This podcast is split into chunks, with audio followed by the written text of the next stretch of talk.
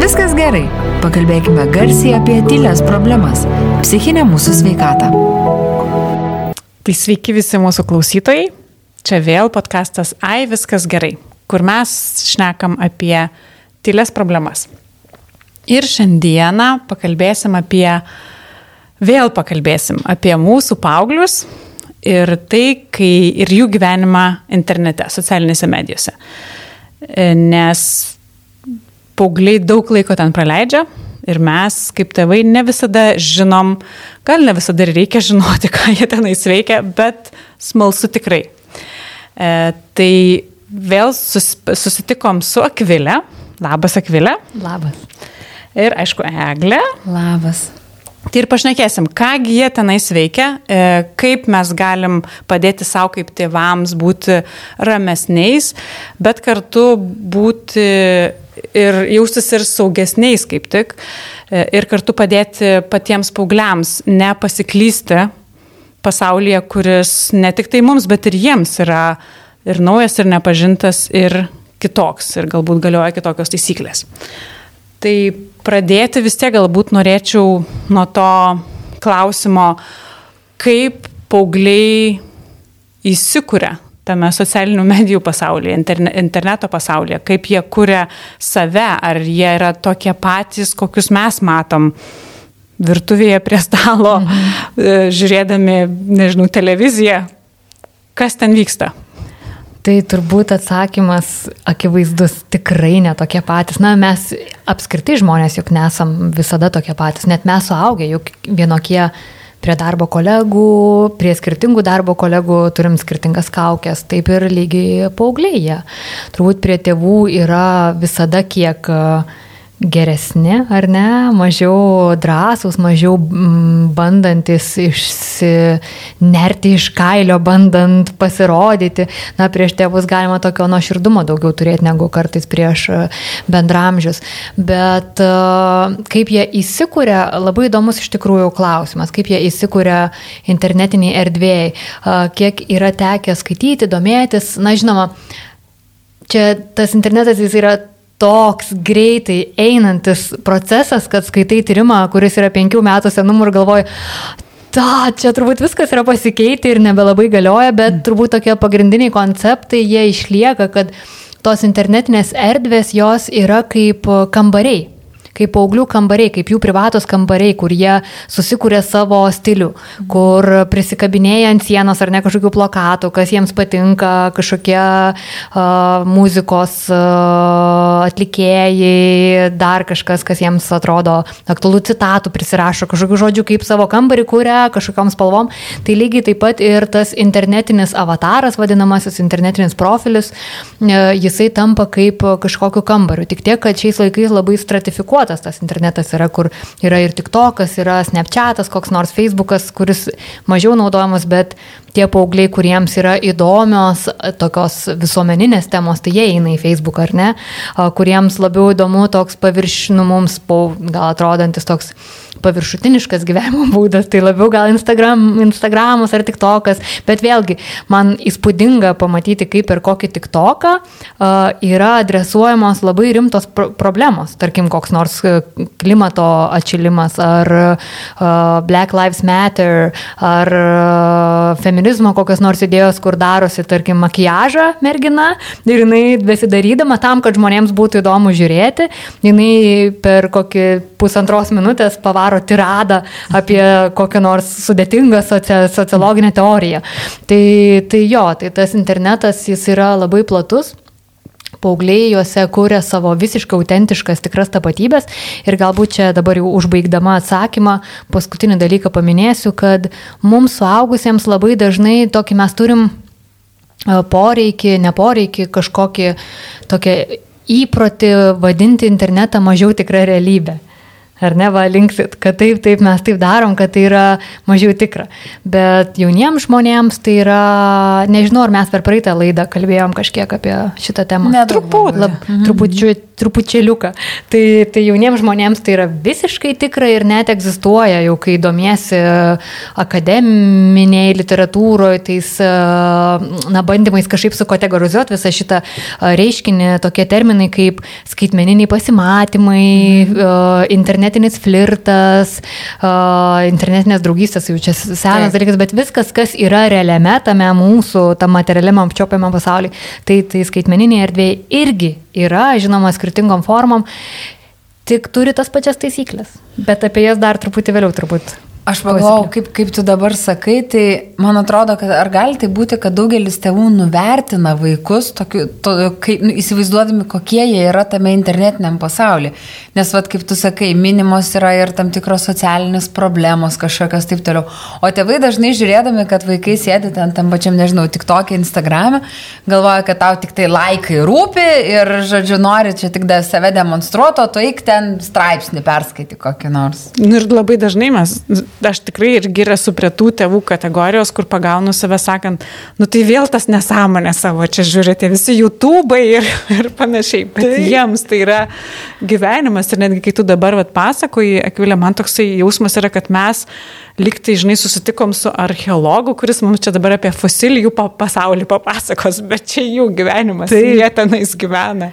Taip, ir tai yra pastebima tokia tendencija, kad suaugusiems žmonėms, dėl to aš labai pavydžiu tech srities, IT srities žmonėms, kurie turi vaikų, galvo, kaip jums lengva. Arba tiems, kurie mėgsta gaiminti, arba patys yra labai įsitraukę visas tas programėlės, galvo, kaip jums lengva, jums įdomu. Man asmeniškai žiūri neįdomu, mano vaikai labai mažo amžiaus yra ir galvoju, kai jie pradės aukti, aš turėsiu domėtis. Man yra žiauriai įdomu. Tavo, kaip tau gerai. Tai, tai va, tai aš deleguosiu, deleguosiu, išsirinksiu kažką iš savo artimos aplinkos ir deleguosiu, kad jūs užpildykite tą spragą. Tai, tai mums e, dideliai daliai suaugusių atrodo, kad tai yra taip greitai besikeičiantis procesas, tai yra tokia sunkiai apriepiama materija, kurią mes kartais naudojam tikrai labai tokiems paviršutiniškiam dalykams, tiesiog pačiatinti, įkelt kokią nors gėlių nuotrauką ar ne, su gimtaniu pasveikinti. Nors tai yra daug gilesnės, uh, gilesnė pekla. Ir Ir tai yra tokia, na, sudėtinga, tokia greita, neperprantama, ne, ne, tokiu, ne, nesam užtikrinti, plus yra šiek tiek gal nuobodu. Ir kartais mes suaugę esam linkę tai tokį panaudoti kaip pretekstą, kaip pasiteisinimą, kodėl mes nenorim su jaunai žmonėm apie tuos dalykus kalbėti. Tarsi tai būtų mažiau reikalinga tema, apie ką su jais kalbėti. Gal tiesiog vis tiek mes, vat, suaugę žmonės, mes esame pratę prie tos socializacijos dar šiek tiek kitokios.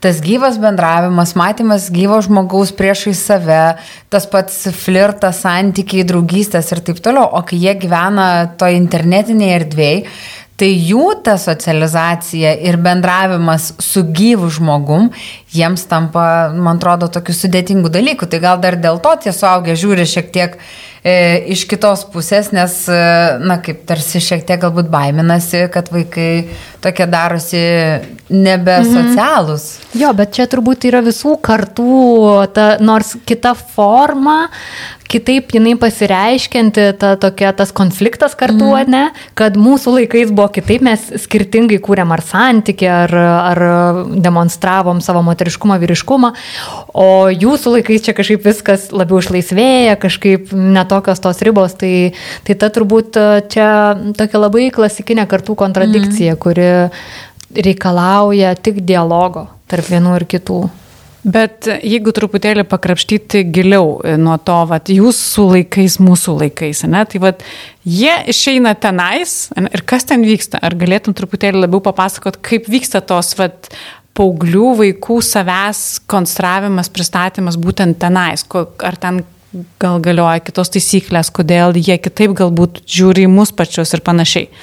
Tai čia tokia plati ir įvairiais rakursais e, galima pamatyti tema, nes e, tada vaikai net vaikams nelygų, jauni žmonės jauniems žmonėms nelygų. Yra vaikų, kurie nuo dviejų metų turi planšetės ar ne ir jau gali dalyvauti internete, tėvai jiems leidžia kažką pirkti, žiūrinėti YouTube. Mm. Kai kurie vaikai labai vėlai ir su labai daug kontrolės e, naudoja internetą, tai akivaizdu, kad tų vaikų na, prieimas prie to interneto visų resursų yra skirtingas.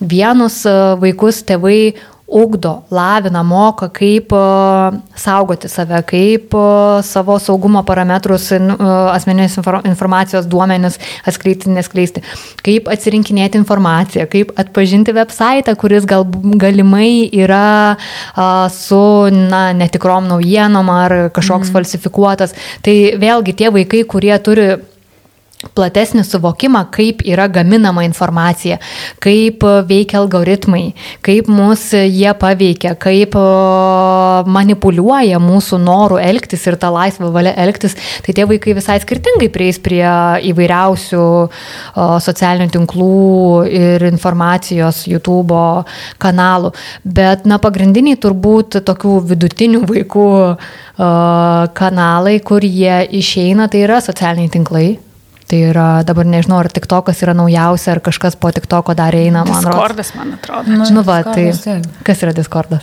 Papasakokit klausytojams, jau tik tokas lyg ir žinoma. Aš tai tik pavadinimas žinau. Ne, bet tai Discordas, nu, tai irgi yra vieta, tam tikra platforma, kurioje jie ir bendrauja, ir tam tikrą informaciją jie suranda, ir, Ir, nu, tikrai mano tai vyresnysis sunus labai dažnai naudojasi, bet nu, naudojasi dažniausiai komunikuojant su savo draugais. Taip, tiesiog persikelia, kad tai yra, mhm. nu, toks kaip, kaip ištestinė E, veikla iš to mūsų, kabutėse, tikro gyvenimo, kad mm. jiems tai yra tiesiog paralelinis. Nes va, kai kurie ieško naujų pažinčių, kai kurie visiškai neieško, nes koks nors Tinderis tai yra visiškai naudojamas ir paauglių dalykas. Tik mm. vėlgi mes suaugę labai dažnai galvom, kad jums dar nelaikas, mes galim daryti, ką norim, nebūtinai sąmoningai, net patys nesuprasdami, kaip visa tai veikia ar ne, bet tarsi mes žinom geriau, nors kartais paaugliai be abejo žino geriau negu suaugę, kaip, e, kaip viską ten daryti. Tai socialiniai tinklai, YouTube'as, tokios kaip žinių portalai, tokie kaip ten BBC, ar The Guardian, ar 15 Min, ar Delphi, tikrai nebūtinai, mažai Mm, tai nėra įprasta paaugliams tais tokiais konvenciniais, įprastais e, būdais ieškoti žinių. Jie labai neretai iš savo to būtent tokio burbulo, socialinių tinklų burbulo susirenka uh, informaciją. Tai, tai nėra taip, kad jie naudoja informacijos paiešką internetą. Daugiausia tai yra būtent bendravimui. Bet man kas yra įdomu, jie bendrauja. E, mes, kai bendravom gyvai, tu negali daug dalykų nuslėpti. Tu esi toks, koks esi. Aišku, tu gali nuslėpti, kad tau patinka vieni dalykai, nors iš tikrųjų patinka kiti, bet, na, e, čia tokie, na, maži, man atrodo, dalykai. Socialiniai tinklai, internetas sukuria tos erdvės, kurti tas tokias užsleptas tapatybės, kur apsimesti kažkuo, ko tu nesi, pasirodyti gražesniu, fainesniu ir visokiu kitokiu esniu. Kaip pat šita sritis, ar čia tik tai mūsų įsivaizduojamas baubas, tai yra tėvų, ar iš tikrųjų tai vyksta? Bet pažiūrėk, kiek iš tų tėvų, pavyzdžiui, naudoja Instagramo filtrus, kur susikūrė save tai gražesnius tai, ir pasipučia lūpas tą akimirkai ir susisiaurina nosytę ir tai taip daug. Toliau. Tai, tai ką kalbėti apie vaikus? taip, taip, tai tada mes ir atsigrėžiam, kad realiai internete manifestuojasi, pasireiškia tos paauglių, mm, ne tai kad vertybės, čia jau per skambų žodis, bet tie tokie įgūdžiai gyvenimo, kokie yra įdedami tėvų, globėjų, kas juos ten, na, senelio augina. Uh, tam, na, realiam, tas realus gyvenimas man čia iš viso toks, nu, nu tai. ne virtualiame gyvenime. Tai kaip mokome vaikus brėžti ribas kaip gerbti kito žmogaus ribas, kaip nekalbėti to, ko nenorėtum, kad apie tave kalbėtų, arba nenorėtum, kad žmogus girdėtų, tai tie, arba apie patyčias. Tai žinoma, kad vaikams svarbu pabrėžti, kad ir parodyti, kad internete irgi lygiai toks pat gyvenimas vyksta kaip ir ne internete, nes kartais uh, ypatingai jaunesnio amžiaus vaikams atrodo, na, ta technologijų, facilituotas technologijomis, atsiprašau, dar kartą įspyriau po stalu, atsiprašau. tai tas, na, kaip apakina truputį, kartais atrodo išplečia jų galimybės išbandyti kokį nors ten bjaurų patyčių būdą, bet kartais tie patys vaikai iš karto ir susigėsta, padarė kažką baisaus, nes, na, turbūt nepraeina vaikyščių be bjaurių pasielgimų su savo bendramžiais, kad, na, tai yra normalu, kad kartais paaugliai ar jaunesni paauglėjantis vaikai pasielgia, pasielgia žiauriai uh, internete, bet tai vėlgi mūsų reakcija yra svarbi, ar pasikartos, ar vaikas supras, ką padarė, tai dėl to yra labai svarbu dalyvauti tame visame procese, nes dauguma, turbūt ne, nebijau šito žodžio, kad dauguma suaugusiųjų nežino, kuo vaikai ten gyvena. Mhm. Ir dauguma Kai, aš žinau, vat, vieną atvejį, kur atrodo, kad turėjo, žinojo, ką vaikas veikia internete ar socialinėse medijose, kol nepasirodė, kad tai buvo tik viena iš paskirų, kuri buvo matoma tėvams, o visos kitos paskiros nebuvo matomos mhm. tėvams ir ten vyko kitoks gyvenimas. Nu, taip, jie turbūt ir į tas patyčias reaguoja, gal netgi kitaip, nes internete tos patyčios jos vis tiek ir jos gali būti skausmingesnės, tu nematai, tu net kartais gali būtent su ta kita tapatybė įžeisti kitą ir įskaudinti. Bet patyčios nėra vienintelės tas pavojus, su kuriuo gali susidurti vaikai. Nes yra juk dar visokių kitokių ir atrodo, man tai yra vienas, nu patyčios taip, iš tikrųjų yra baisus dalykas, e, kai pagalvoju, kad ne tiesiog pasijuokia, bet būna tikrai labai žiauriai ir skausmingai užsisėda ant tų kitų vaikų. Taip, ir interneto, na, dėl to svarbu su vaikais kalbėti, ko, kodėl interneto patyčios, uh, internete patyčios yra tokios uh, dar pavojingesnės, nes jos tiesiog gali tapti viral.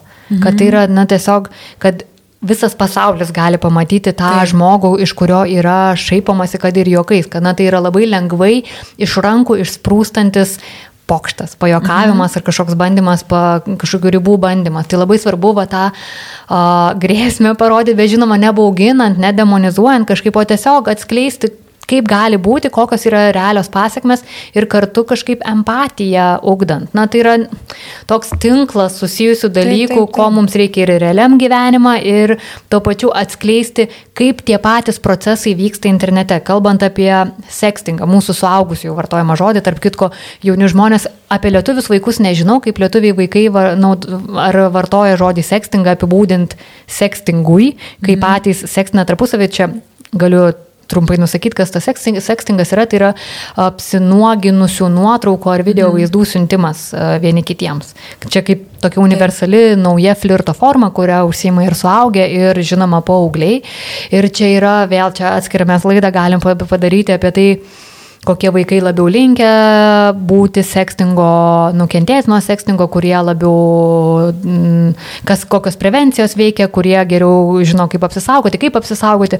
Mm, bet e, tada mes galime išskaidyti ir pažiūrėti tokiom realistiškom, tom tikrovės, realybės uh, paralelėmis, suprasti, kas tas sekstingas, nes vėlgi atrodo labai pavojinga, labai grėsminga. Ir uh, tai yra masiška, Skandalų nutinka palyginus labai mažytis procentas sekstingo virsta skandalais, bet tie skandalai, tai yra kai tampa viral, kai išsklinda po visą mokyklą, miestelį ar miestą ar šalį, tai tie atvejai gali baigtis net ir to nukentėjusio žmogaus mirtimi. Na, dažniausiai mhm, mergina, mhm. nes merginų seksualumas jis yra labiau varžomas ir labiau gėdyjamas. Taip. Tai yra didelė problema. Bet tada mes suvokiam, kad mums reikia kalbėti apie ribas kad ar tu turi teisę pažeisti asmens privatumo poreikį. Kad jeigu realiai kur nors diskotekoje, nežinau, ar šiais laikais jauni žmonės sako žodį diskoteka. Greičiausiai ne, čia toks visiškas, visiška fosilija. Bet, bet gal paaugliai neklauso šito podcast. Ne, bet jo, bet kai, gal kai kurie klauso, tie, kurie į Facebooką eina, tai tie klauso. tai, tai kaip, kaip jeigu žmogus prašo nepliaukšėtų per užpakalį, tai tu ir nustoji pliaukšėti, ar ne? Tai lygiai taip pat e, su to tokiu žmogaus asmens ribų uh, paisimų gerbimu yra ir skaitmeninė erdvėje, kad nors tai yra tik avataras, nors tai yra tik nuotrauka, bet mes vis tiek privalom gerbti asmens asmeninės ribas. Ir uh, tik tiek, kad jauniems žmonėms tikrai reikia pirštų parodyti tokius dalykus, tokias paralelės, nes nėra savaime aišku. Ir kalbant apie sekstingą, tai kaip minėjau, grįžtu prie tos minties, kad jauni žmonės net nemėgsta sekstingo vadinti sextingu, jiems tai yra nuotraukų siuntimas, tarkim, mm. arba flirtas. Jie tiesiog nenori, nes sekstingas toks jis turi negatyvę ar ne reikšmę, taip, tai yra čia toks, toksai čia yra toks atrodo. būdas pavadinti kažką, mm. kas mums čia atrodo taip svetima, nors net ir dauguma suaugusių tai daro. Ir jauni žmonės net kartai, kartais nekalba tais tuo pačiu leksikonu, tais pačiais žodžiais. Tai mums svarbu apskritai, kalbant apie tą turbūt nerimo sumažinimas, dėl ką mūsų paaugliai veikia internete ar be paauglėjantis vaikai, tai yra kalbėtis, kažkaip kurti tą dialogą. Ir čia niekas negali pasiūlyti jokių stebuklingų vaistų ar receptų, kaip tą daryti.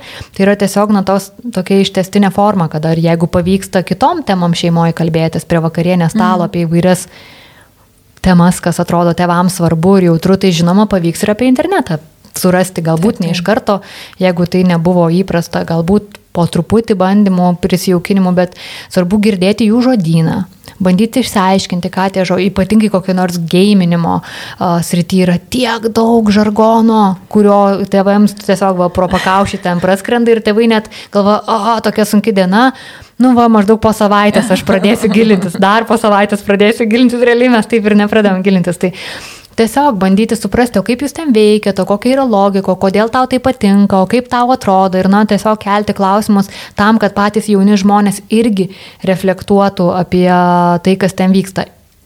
Ir žinoma, kadangi mums turbūt baisiausias yra, mes pereisim prie tų kitų grėsmių, kuris įsivaizduoju, kad yra baisu, kas slepiasi už tų galbūt netikrų profilių, ar ne? Mhm. Tai apie santykius. Ir mes, kas yra toksiški santykiai, kas yra draugiški santykiai, kokia yra sveika draugystė, kaip atpažinti, ar žmogus bando tave kontroliuoti, ar visada trokšta, kad tu tuoj pat ir atrašytum į žinutę, ar nori tikrinti, ką tu apsirengęs, apsirengusi. Na, čia merginos yra didesniai rizikos grupiai, bet vaikinai irgi. Irgi yra. Yra rizikos grupė ir čia yra Dar viena problema, čia žodžiu, bus problemų podcastas. Kad... ne, bet tai yra dalykai, kuriuos reikia žinoti ir būtent, vat, kaip tu sakai, būna tėvai, kurie nukelia tai kitai savaitai, dar kitai savaitai ir tos problemos auga. Ir lygiai taip pat, kaip reikia kalbėti apie tai, kad reikia gerbti kito žmogaus avatarą, lygiai taip pat tu turi kalbėti, kad tavęs, tavęs vaikui aiškinti, kad tavęs gali kažkas negerbti, tai kad jis irgi galvotų, ar jinai, vat, kaip konkrečiai elgesi, nes tie, jie tikrai tokie, aš bent jau taip įsivaizduoju, kad drąsiausi vaikai, turbūt socialiniai erdvėjai būna tie, kurie realiame gyvenime, tam ne virtualiam gyvenime yra nedrasus, nes ten jie yra nematomi, ten jie gali tapti absoliučiai bet ko, jie gali save sukonstruoti būtent tokiu, koks jisai galbūt kažkur svajonėse norėtų būti. Taip, taip, nedras, ne visiems, bet nedrasiems, tokių labiau socialinių nerimų turintiems jauniems žmonėms ir suaugusiems. Internetas yra puikia galimybė mėgsti santykius, ko galbūt neturi realiam gyvenime. Uh, realiam ne, nu, abu du gyvenimai realūs. tai neturi tai ir labai svarbu matyti, kad internetas suteikia daugybę galimybių surasti bendraminčių, jeigu žmonės yra iš kažkokios mažesnės bendruomenės ir pavyzdžiui yra LGBT. Mhm. Tai yra vėlgi būdas rasti bendraminčių, kur ne tu vienintelis esi toks kitoks negu visi, bet yra ir kitų žmonių. Galima tikrai sukurti tokį avatarą, kokį nori, arba galima tiesiog išdrysti užkalbinti. Tai nebūtinai yra, kad save perkursi, bet tiesiog tiesiog drįsi būti, mm. drįsi prašyti dėmesio. O kadangi jau pasakai, kad čia toksai problemų podkastas, e, tu paminėjai du kartus apie tam tikras grupės, kurios yra labiau imlios būti e, pažeistos, tiek apie tą patį sekstingą, paskui apie merginas, vaikinus kalbėjai. Galbūt galėtum šitoj vietoj truputį daugiau papasakoti būtent tą, kokie vaikai yra labiau jeigu yra čia kažkokiu tai be apibendrinimu, labiau imlus, kurių ribas gali peržengti ir kokios situacijos. Ar čia yra e, e, lyčių skirtumai kažkokie tai daugiau? E, tie jauni žmonės, kurie nori meilės kurie nori būti vertingi, kurie nori būti pamatyti, kurie nori būti globojami, ko realiai negauna savo artimiausioje aplinkoje, tai jie tiesiog gali labai tapti lengvų grobių, nes tai yra vienas iš pagrindinių mechanizmų, kaip apskritai veikia tie smurtiniai santykiai ir su artimai žmonėm, ir su nepažįstamai žmonėm, kad tiesiog tave apipila to, toks yra meilės dušu arba meilės bomba, kad tiesiog mm. tiek tau dėmesio suteikia ir tu galvoji, tam žmogui aš rūpiu, nes tu nežinai, kas yra sveiki santykiai, tu nežinai, kad, na taip, sveiki santykiai netrodo, kad tai yra nerealistiška. Ir e, mes praeitoje laidoje apie tą tai tikrai kalbėjom, kad mes vakaruose turime tokį iškreiptą suvokimą apie santykius, kad yra labai daug niekada nesibaigiančios meilės, kurios pakanka vaivorykštės, nesibaigiančios. Kad nėra juodo darbo, kad, kad apskritai, kad žmonės vieni kitiems nenusibosta, jeigu myli. Tai, tai va, kalbant apie tos vaikų santykius ir, na, tai yra labai pokalbis ir apie emocinį raštingumą, apie savo kūno jausmų atpažinimą vėlgi. Ar aš jaučiuosi maloniai, nes žmonės dažniausiai, kurie yra išnaudojami, jie vis tiek kažkurio pasąmonės ar kūno lygmenių jaučia, kad kažkaip yra peržengiamas mano tos ribos, kad pastovi manęs kažko prašo, bet mano prašymų negirdi. Tai um, tie tokie, galima tikrai paguglinti, nes veikų toksinių santykių ar kažkokių nedraugiškų santykių bruožai, nes jų yra daug. Mhm. Uh, ir pabandyti karts nuo karto su vaikais pašnekėti apie tai, kokie tie gali būti. Ir tuo pačiu, kokie sveikų gražių santykių, nes svarbu čia kalbėti ne vien per gazdinimą, o per labiau įgalinimą. Ne, čia jo, čia net negazdinimas, čia toks yra tiesiog kvietimas pamastyti ir pagalvoti, galbūt ne negazdinimas, bet, e, bet vis tiek aš norėsiu eiti prie tos temos, kuris turbūt yra viena labiausiai gazdinančių visus, nes nu aš šiaip pagalvoju, e, be abejo, kad tie paaugliai yra tas internetas jau tikrai ne tą laiką, kol yra, tarkim, pandemija ir jie naudojasi juo iki, iki tol. Bet tais visais pandeminiais metais, kada jie tikrai būdavo ir būdavo beprotiškai ilgai prie tų kompiuterių, tu tikrai negalėdavai visą laiką ten jų sureguliuoti, sužiūrėti, nes tėvai tai dirba, tai dar kažką ir jie visą laiką būna. Ir e, teko girdėti ir net ne vieną atvejį, būtent va, to viso seksualinio priekabiavimo tema ir, ir va, tuo, kas slepiasi po tais sukurtais profiliais, e, kurie vėliau išlenda su siaubingais reikalavimais mergaitėms ir, ir iš iš tikrųjų baisus dalykai, kaip pagalvoju kažkaip. Mm, tai yra baisus dalykai ir baisiausia, kad tai yra sunkiai iš tikrųjų nuspėjamas dalykas, kad yra labai sunku pastebėti, kad kažkas baisaus vyksta su tuo vaiku, nes net ir puikiausiai bendraujantis tėvai gali susidurti su tuo, kad vaikas kažkaip nuėjo į tuos jau tokius tamsiuosius interneto uh, takelius, kur mes net neįsivaizdavom, ką tą vaiką galėtų traukti ir net tokiais, tokiom zuikio triušios kil, mm. olomis vadinami, vadinami interneto takai.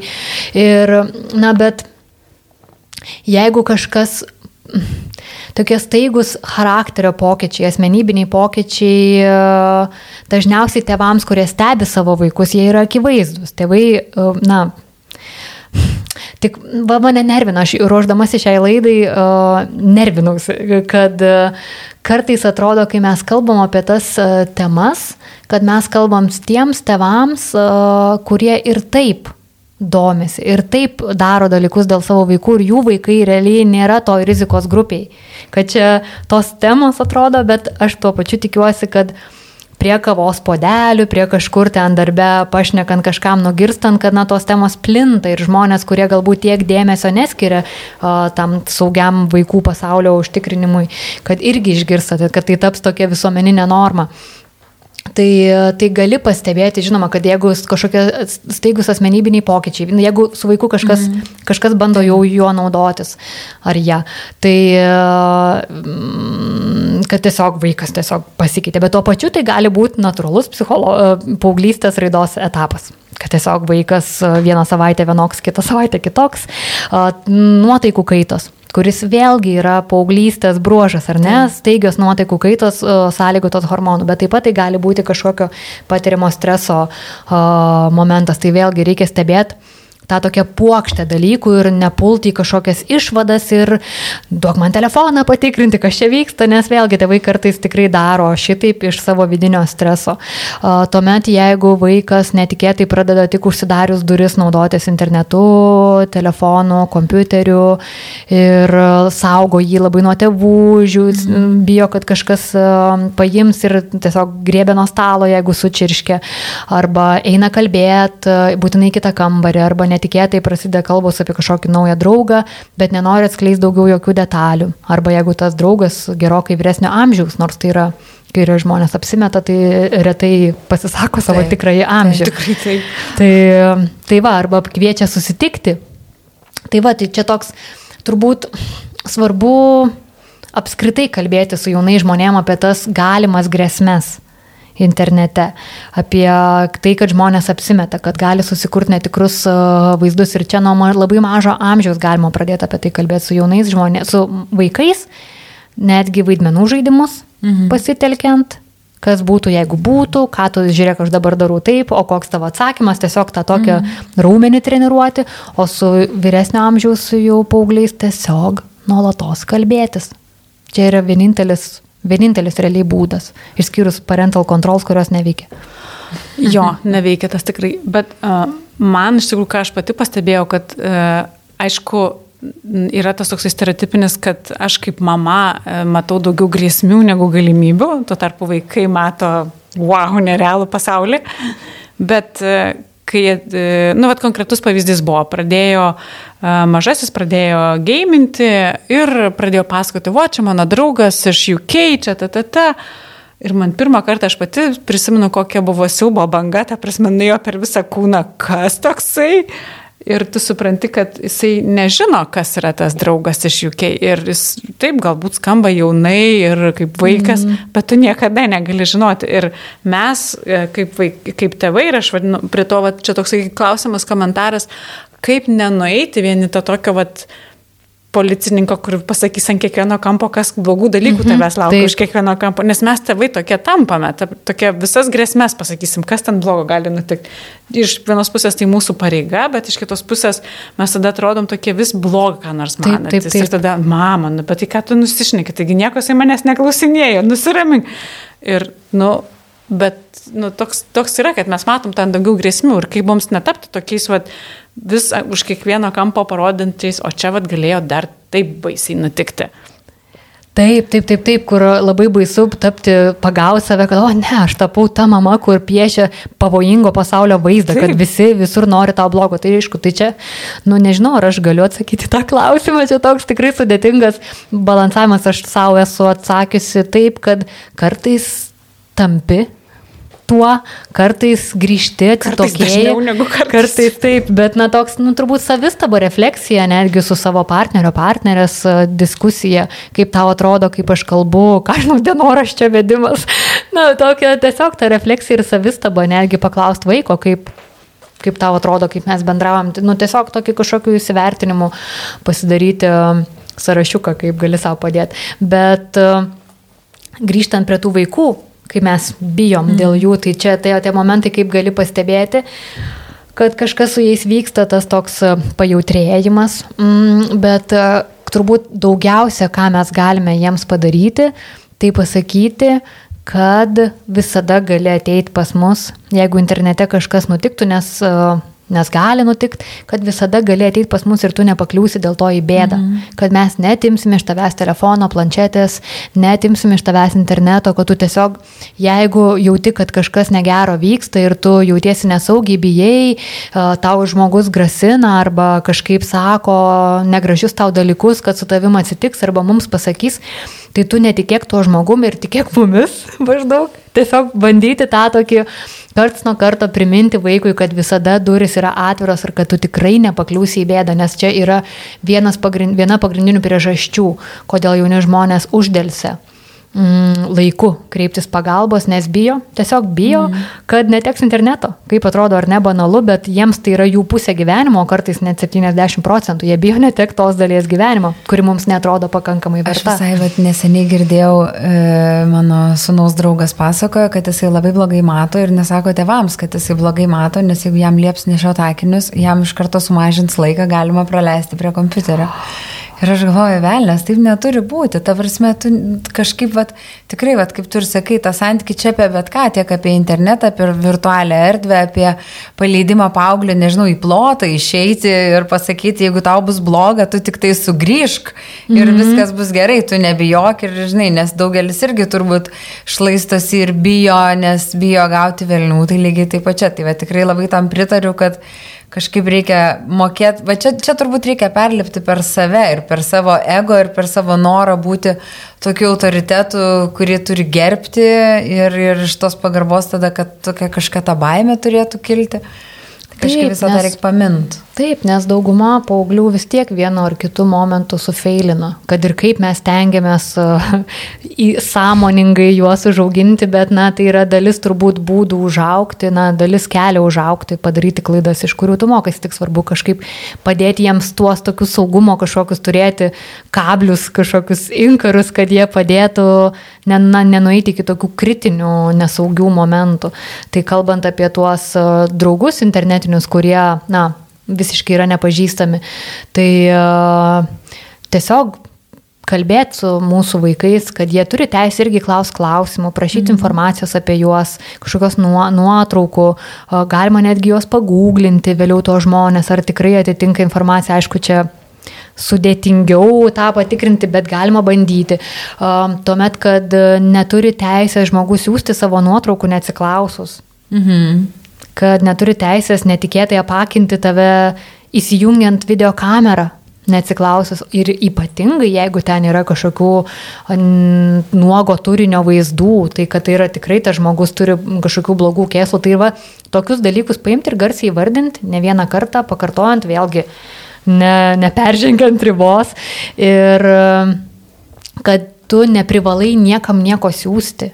Bet vėlgi tai yra toks graudenimas dažniausiai iš tų žmonių pasitelkiamas ne per pirmą, ne per antrą kartą uh, pradedama graudent, kad atsiūs man nuotrauką, aš tave labai myliu, įrodyk man uh, savo jausmus, arba tu tokia graži, aš noriu pamatyti daugiau, mm. kad tai yra, na, manipulacijos ir vilionės ir kalbėti apie tai vardinti tikraisiais vardais, nes uh, vėlgi, suaugę dažnai bijo, kad uh, tokie tikraisiais žodžiais, tikraisiais vardais įvardyjami, procesų įvardyjimai, kad jie kažkaip sukurs didesnę paaugliams grėsmę atsidurti tose situacijose. Kažkaip būtent su ta litiškumo tema susijusios tos grėsmės atrodo iš karto tai ir nuties tiesų tiltą į praktiką, tai tikrai ne. Informacija šiuo atveju, kaip ir visais kitais atvejais, tiesiog apginkluoja jaunus žmonės ir kartu po truputį stato tą samoningumo Minecraftą, mm. samoningumo tą tokį tinklą smegenyse, kaip mąstyti apie tuos reiškinius, kaip suvokti, kas čia dabar vyksta, kaip tas tokias gyjas jos nusimesga tarp skirtingų dalykų ir na tas žmogus vis geriau pradeda suprasti pasaulį, kur yra ir jausmai, ir nepažįstami žmonės, ir pažintis, ir technologijos. O tu jau truputėlį užsiminiai apie skirtingus lyčių, apie lyčių skirtumus e, socialinėse medijose, kaip konstruojamos tapatybės arba kokios grėsmės labiau kyla. Gal galėtum čia truputėlį daugiau kaip vat, mergaitės ir berniukai. Vat, kaip, mhm. dėl, tiek dėl elgesio, tiek dėl iššūkių, tiek dėl imlumo kažkokiam tai manipulacijom. Pats pagrindinis, pir, pirminis iššūkis berniukams jau yra tas, kad su vaikinais kur kas mažiau kalbamasi negu su merginomis apskritai saugumo internete klausimais, bet kaip ir šiaip saugumo ar ne mhm. klausimais, čia nieko Taip. nesiskiria. Situacija, kad mergi, mergaitės, merginos gauna kur kas daugiau dėmesio uh, iš mamos ir net iš tėčio, o vaikinai kur kas mažiau dėmesio iš abiejų irgi.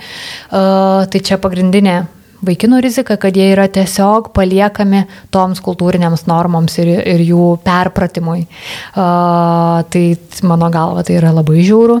Mm, tiesiog išmesti, va taip išspjauti juos į pasaulį, patiems susivokti. O normos su lūkesčiai, su kuriais susiduria tie vaikinai toj internetiniai erdvėje, yra panašios kaip ir realybėje. Uh, turėti daugiau merginų, mm, turėti kuo pasigirti, patirtimis ar nepasigirti, merginų grožių, kiekių pasigirti.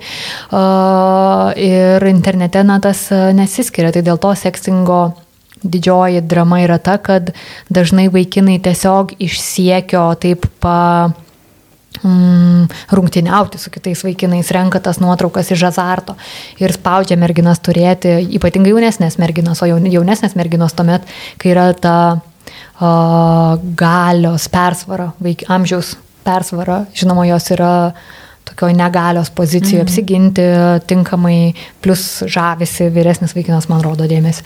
Tai, na, tų tokių vingrybių yra nemažai, vėlgi kalbant apie skirtingas sritis. Jeigu aptartumėm kokią nors pornografiją, yra stereotipas, kad tai yra tema, apie kurią reikia kalbėti su berniukais. Ar ne? Va, apie pornografiją tai reikia kalbėtis. Bet iš tikrųjų ir su mergaitėm reikia tai, nemažai kalbėti šitą būtent, temą. Aha. Būtent, nes vaikinai atrodo, na, vaikinai ten prisimoko netinkamo elgesio, bet vaik, merginos irgi prisimoko, kaip suprasti, kokia yra mano rolė santykiuose, intimiam gyvenime, koks yra mano vaidmuo, kaip aš turiu vieną atrodyti, antrą, kaip aš turiu uh, elgtis, trečią, kaip atrodo mano malonumas, kuris yra visiškai nerealistiškas ir jo ten net nėra. Taip, jo. taip, taip, taip, taip. taip, o vaikinai vėlgi tokį labai mačo, ultra geležinio vyro vaidmenį kažkokį įgauna, kuris vėlgi su santykė su moterimi žemina moterį, moters funkcija yra tik atlaikyti, o vaikino kuo ilgiau pavaryti. Ir vėlgi tikram, tikroviškam malonumui nėra skiriama dėmesio, juo labiau tikroviškiams kūnams, įvairių sudėjimų kūnams. Tai jo, čia labai svarbu apie tai kalbėti. Ir, bet visos tos temos jos vis tiek atsigrėžia į ribas.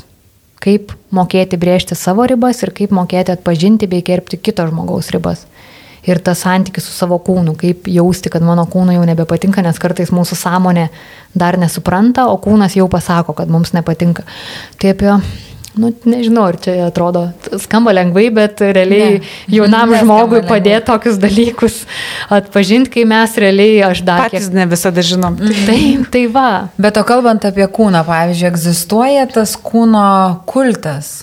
Vis tiek juk turbūt yra. Yra tiek, nežinau, ir pieštinių visokių dalykų, ir būtent visų tų appsų, kur dabar tu gali iš savęs padaryti, ką tik tai nori, ta prasme, visiškai. Ir tada turbūt tam realiam gyvenime, aš manau, aš net nežinau, gal šiaip ir vaikinams yra turbūt šita problema. Nu, jie juk irgi nori e, būti raumeningi ir ten atletiški jaunuoliai, bet merginoms, pavyzdžiui, irgi juk, nu, nežinau, paskui, kai pasižiūri veidrodį, pradedi galvoti, kaip tu stipriai savo nepatinki, jeigu tu save ten modifikuoji visą laiką. Visiškai taip jo vaikinai yra atei, juos įtraukinėjom didžiuliu pasitusiu greičiu į visą kūno neužtikrintumo procesą. Mergaitės jau ilgą laiką su tuo Taip. dorojasi, dorojamės. Um, ir didžioji drama yra ta, kad dauguma jaunų žmonių puikiai supranta, kad yra retušuota viskas, uh, netikra, kad čia yra medijos, kad čia yra reklamos ir jie žino taip, taip pavarto akis, taip mes žinom, bet kaip man taip nesijausti, kaip man nenorėtų to kūno, kaip man atsispirti. Čia vėlgi didžiulis prašymas jaunam žmogui, net nesusiformavusiam žmogui, atsispirk. Mm, atsispirk. nu ir kaip man dabar atsispirti. Tai vėl čia tada uh, daug pokalbių, ar ne, daug pokalbių, bet mm, paskutiniu metu, kai dirbu su šitom temom, aš siūlau truputį, na, tokį eiti ne per po įvairaus kūno pozityvumo e, matymo skatinimą, kad visi kūnai yra gražus. Mm -hmm. Nu taip nėra. Nėra visi kūnai gražus ir mūsų kultūroje šiuo metu tikrai ne visi kūnai gražus. Netgi tos visos reklaminės kampanijos, kur yra plus dydžių kūnai, moterų dažniausiai vyrų ne ar ne, nes tik, tik mhm. moteris susiduria su ta problema, kabutėse sarkazmas, ironija, hashtag sarkazmas. Uh, um, tai kaip plus dydžių modeliai, tai jie vis tiek yra gražus. Taip. Jie yra konvenciškai malonus akiai, jie vis tiek mhm. yra parenkami tokie, kurie malonus akiai, ar ne? Nu ir kas, kad ten Taip. plus XXXL. Ir, tai ne visi kūnai gražus akcentuoti, o kūno funkciją akcentuoti kad kuo aš džiaugiuosi, ką mano kūnas gali daryti. Labai daug žmonių, ypatingai merginų, nėra matę savęs nuogų prieš veidrodį. Tai galima daryti tokias tas tokias gerumo praktikas, kai žmogus atsistoja nuogas prieš veidrodį ir žiūri. Kartai žmonėm, kai turi tikrai didžiulių problemų su savęs mylėjimu, net nemalonu žiūrėti, tikrai net nesinori, užsimerki ir tu nenori žiūrėti, nes tau yra šlikštu, tu nekenti to, ką tu matai. Mm. Tai čia jau akivaizdu, kad darbas yra su specialistais, kad čia jau tėvai vaikui nesutvarkys taip lengvai to, tokių gilių, gilių krizių. Vidinių krizių. Tai, bet tas tokios gerumo praktikas, kai mes taip švelniai tariant apgaudinėjom smegenis, kai sakom po truputį komplimentus ir tos smegenis pradeda tikėti. Pradedi taip, kai tu, nes smegenys yra plastiškos, ką į jas įdėsi, tas juose ir bus. Tai uh, sakyti savo komplimentus. Nes mes darom su kolegė per litiškumo augdymo užsiemimus tokį užsiemimą, kad reikia parašyti dešimt dalykų, dėl ko savęs nemėgstu. Tada prašom juos visiems kartu grupiai garsiai skaityti tam, kad kitų negirdėtų ir tada skaitai savo ką žinau, kas tris minutės duodi, tiesiog skaitai ten savo tos dalykus ir fiziologiją, ir charakteris, mm. už ką nemėgstu, apverst lapuką ir rašyti de, dešimt dalykų, kuriuos mėgstu. Na ir aišku, nu, čia tai primityvu, bet efektas geras, kad koks, koks jausmas ir ką dažniau savo sakot. Tai aišku, tai aišku, kad nemėgstu. Tai taip. Ir tada ir kalbam apie tai, kad reikia dažniau savo sakyti tiesiog pasidaryti rutinas dienoje, kad savo sakytum dalykus, už kuriuos, uh, kuriuos aš save mėgstu. Ir viena moteris labai, bet jau, jau ne, ne paaugliai, bet moteris labai turėjo gražų uh, pavyzdį, kaip jinai pirmiausia toj neigiamoj pusėje, kadangi tai pirmoji, pirmoji dalis parašė, kad nemėgstu savo pilvo, O antroji daly parašė, kad mėgstu savo pilvo, nes aš tris vaikus pagimdžiau. Ir toks buvo o, momentas, kad bet iš tikrųjų, kaip mes galim, kai nesuteikėm erdvės pamastyti, apie tuos dalykus, na, nuvertinti savo kūnį. Ir jinai labai gražiai parodė, kad savo funkciją myliu, o ne tai, kaip jisai atrodo. Nes kaip jisai atrodo, mes turbūt daugumą mūsų esam pasmerkti taip ir neįsimylėti savo to kūno o, na, nuolatos jaudintis dėl to atrodymo. Tai, tai tas darbas su funkcija ir gerumo praktikomis. Mhm. O aš dar norėjau šiek tiek sugrįžti apie tą, kur mes kalbėjome apie tėvų kontrolę. E, tikrai būna kartais e, tėvai nori suprasti, kas vyksta vaiko gyvenime, nes taip, yra tokių šeimų, kurios kalba, kaip tu minėjai, kur susirenka prie stalo, pasikalba, aptaria problemas, kas vyksta internete, kas ką išnaudoja ir taip toliau. Bet tikrai yra būtent tų tėvų, kurie negali prisibelsti iki savo vaikų, kuriems neleidžiama užeiti kambarius yra, su kuriais visiškai yra nebendraujama. Ir tada kartais tėvai imasi va to irgi, kaip tu neatsimenu, kaip čia dabar įvardinai, va tas toksai iš tos gal baimės ir neužtikrintumo, nežinomybės, jie puola tikrinti, nežinau, telefoną, nebūtinai atima iš rankų, bet galbūt tikrina, kai miega ten vaikas, nu vis tiek mm. kartais juk jie paleidžia tos telefonus iš rankų. Ar taip galima daryti, ar taip nereikia daryti, ar kartais taip galima? Nes, tarsi, aš įsivaizduoju, kad jeigu vaikas sužinotų, kaip ir bet kas iš mūsų, jeigu tu sužinai, kad tavo antra pusė, tarkim, tikrina ten visą laiką tave, tau kyla tas kažkoks pasipiktinimas, lygiai taip pat ir vaikui kyla į tą tėvų pusę. Bet ar tai vis tiek kaž, kažkokioj, nu, nežinau, situacijoje gal net rekomenduojama yra padaryti tėvams, kai kartais, nežinau, ten visai nežinai, kas vyksta to, to internetiniai vaiko erdvėjai. Mm, čia kaip su dienoraščio skaitimu turbūt yra nu, tai klausimas. Va vėl, forma pasikeitė, bet principas taip, išlieka. Tai, taip, taip, taip. tai, na, turbūt atsakymas yra ne, negalima, bet mm. tada daug atsiranda bet, kad iš tikrųjų kartais, kad kartais reikia sužinoti. Greičiausiai uh, yra svarbu tai, ką mes su tuo darome. Ir viena, ar tikrai reikia eiti ir skaityti, ar tai yra mano neurozės, mano nepasitikėjimai ir mano kontrolės ne, nejutimo uh, kažkokia išraiška, ar tikrai aš matau pavojingų ženklų savo vaiko elgesį, ar aplinkoje, mhm. kurioje tas vaikas yra.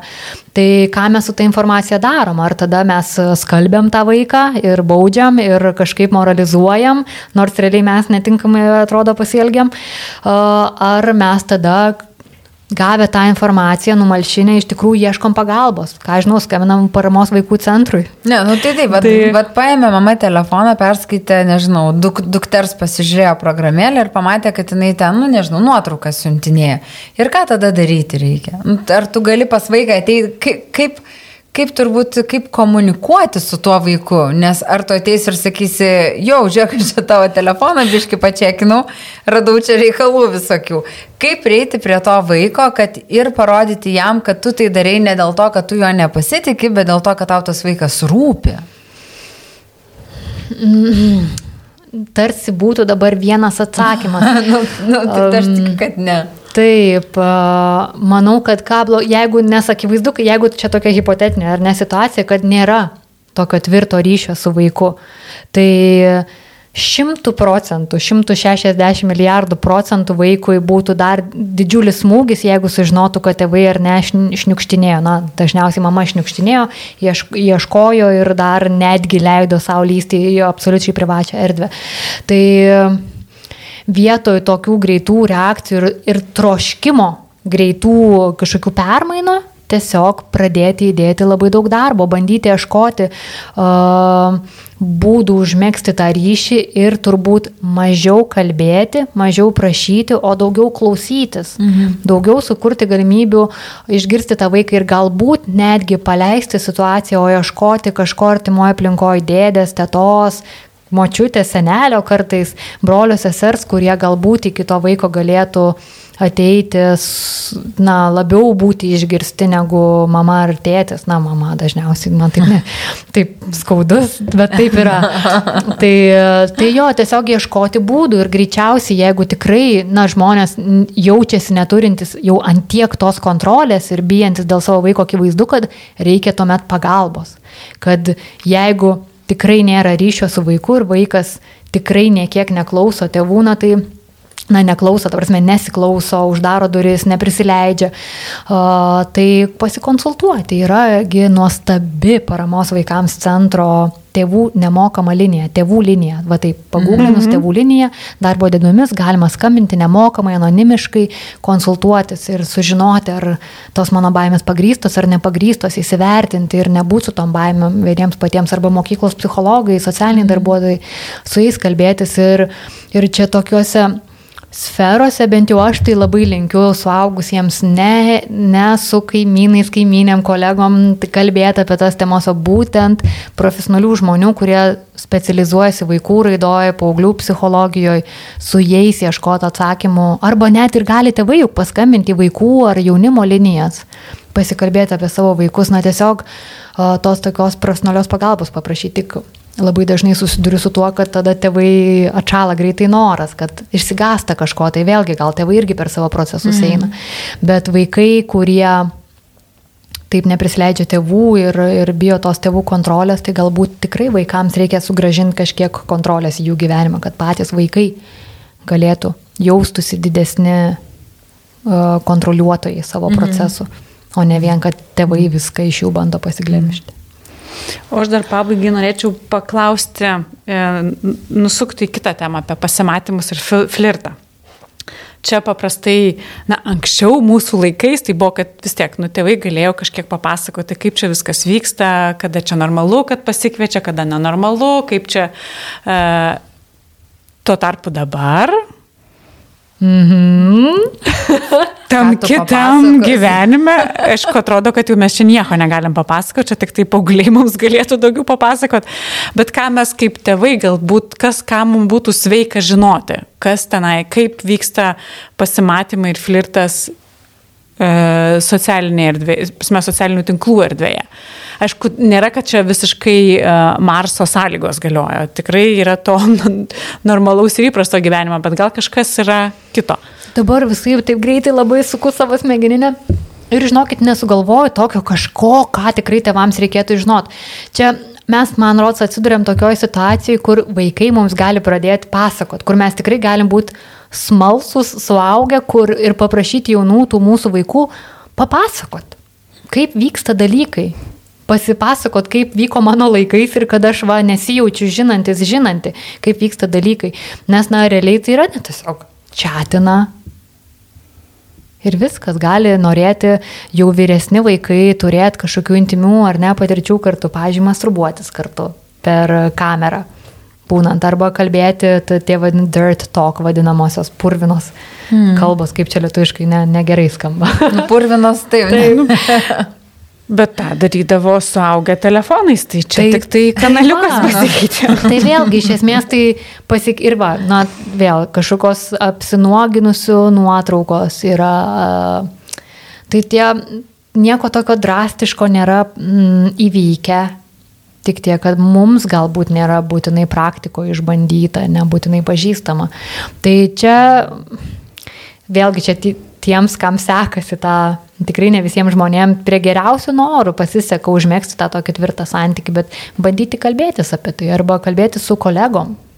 Mhm. Tiesiog padaryti tai vieną iš temų, apie ką mes kalbamės įvairiuose ratuose ir plėsti tą supratimą, plėsti savo tas kažkokias galbūt nusistatytas ribas. Nu tai plėsim, nu tai plėsim. Suk nesukus visada sugrįžtam prie to paties, prie normalaus ryšio su, su savo vaikais ir nu, nieko taip, čia neišgalvosi. Taip, taip čia jo. yra pagrindas to. Tai ačiū tau. Tai labai. ačiū tau. Ačiū Jums. Labai buvo įdomu, tikrai. Ai, viskas gerai. Pakalbėkime garsiai apie tylės problemas - psichinę mūsų sveikatą.